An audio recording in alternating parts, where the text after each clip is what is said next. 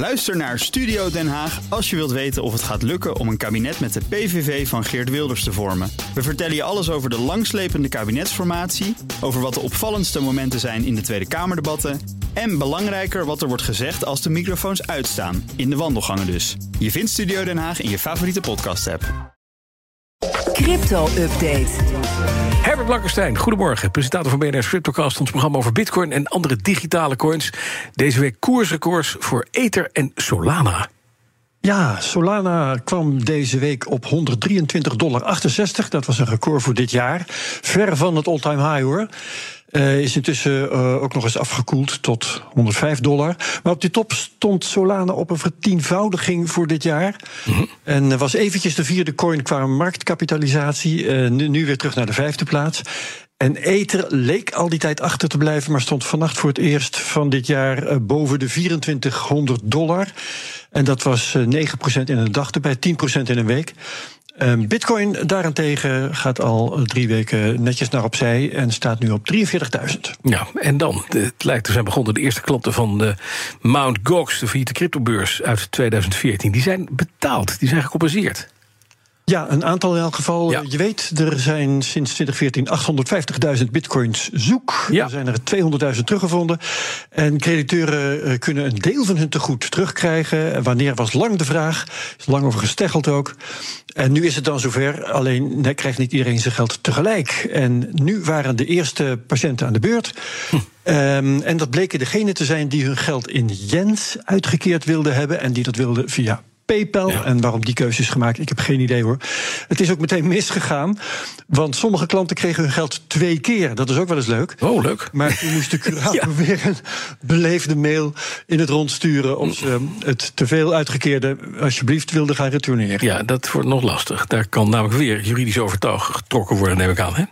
Ja, ja, ja, en op Reddit waren meteen ook discussies tussen voorstanders van uh, stuur maar meteen terug en meningen die, ik zal maar zeggen, wat meer genuanceerd waren. Um, er was in elk geval één ontvanger die uh, schreef dat hij best wilde terugbetalen als de curator maar even alle benodigde formulieren zou willen invullen voor een Know Your Customer procedure. en als de curator bereid was om even tien jaar te wachten.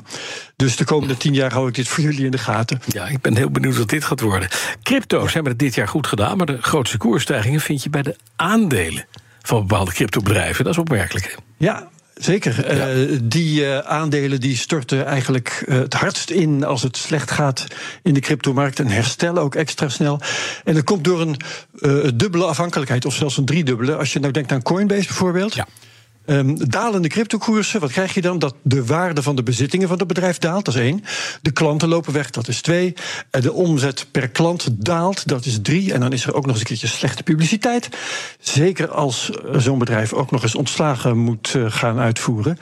En in een stijgende markt wer werkt dat allemaal ook, maar dan weer de andere kant op. Dus zo krijg je een extra hard heen en weer gaande slinger. Bitcoin is dit jaar ongeveer 150% gestegen. Kijk je nou naar de koersen van Coinbase, uh, maar bijvoorbeeld ook Grayscale en MicroStrategy, alle, allebei zijn dat bedrijven die in crypto beleggen, dan zijn die koersen omhoog gegaan met meer dan 300 Kijk, kijk aan. En de grootste stijger is Marathon, en dat is een miningbedrijf, hè? Ja, en de, uh, dat stond op, uh, een jaar geleden nog op het randje van een faillissement. En nu staat Marathon meer dan 600% in de plus. Hoe kan dat nou? Ze hebben, nou ja, uh, door uh, plannen die ze hebben bijvoorbeeld voor verduurzaming. Um, denk aan het verbranden van methaan uh, om te gaan, met de energie te gaan minen. Maar methaan is nog schadelijker voor het klimaat dan CO2. Dus dat doe je dan op een andere manier ook weer goed mee. Um, en kun je CO2-credits krijgen. Um, ze doen aan diversificatie van hun inkomsten, bijvoorbeeld door overtollige energie dan weer terug te leveren aan het net. Uh, Mine, uh, Marathon heeft ook twee hele miningcentrales gekocht. één in Texas, één in Nebraska. Waar ze energieopwekking en mining hebben geïntegreerd. Dat is ook een interessant plan. En uh, wat opvallend is dat de koers zo sterk stijgt vier maanden voor een halving. Uh, waarvan we weten dat uh, dat deel van de inkomsten, de miningdeel van de inkomsten, van de ene dag op de andere gaat halveren. Mm -hmm. Uh, dus de markt verwacht blijkbaar nu al dat dat effect, dat negatieve effect, wordt gecompenseerd door het beleid dat ze hebben. Plus natuurlijk de mogelijke stijging van de koers van Bitcoin, waar veel mensen op rekenen. Nou, opmerkelijk. Dan in 2022 zijn verschillende leenplatforms failliet gegaan. We weten het, BlockFi, Celsius, Genesis, Nexo. Dat bestaat nog steeds. Volgens justitieel onderzoek in Bulgarije is er geen aanleiding voor een strafzaak. Want het is een Bulgaars bedrijf, Nexo. Ja, klopt. Daarom oh, bemoeien de Bulgaren zich daarmee. is, mhm. En dat is niet zomaar een brievenbus die in Bulgarije staat, wat je zou kunnen verwachten.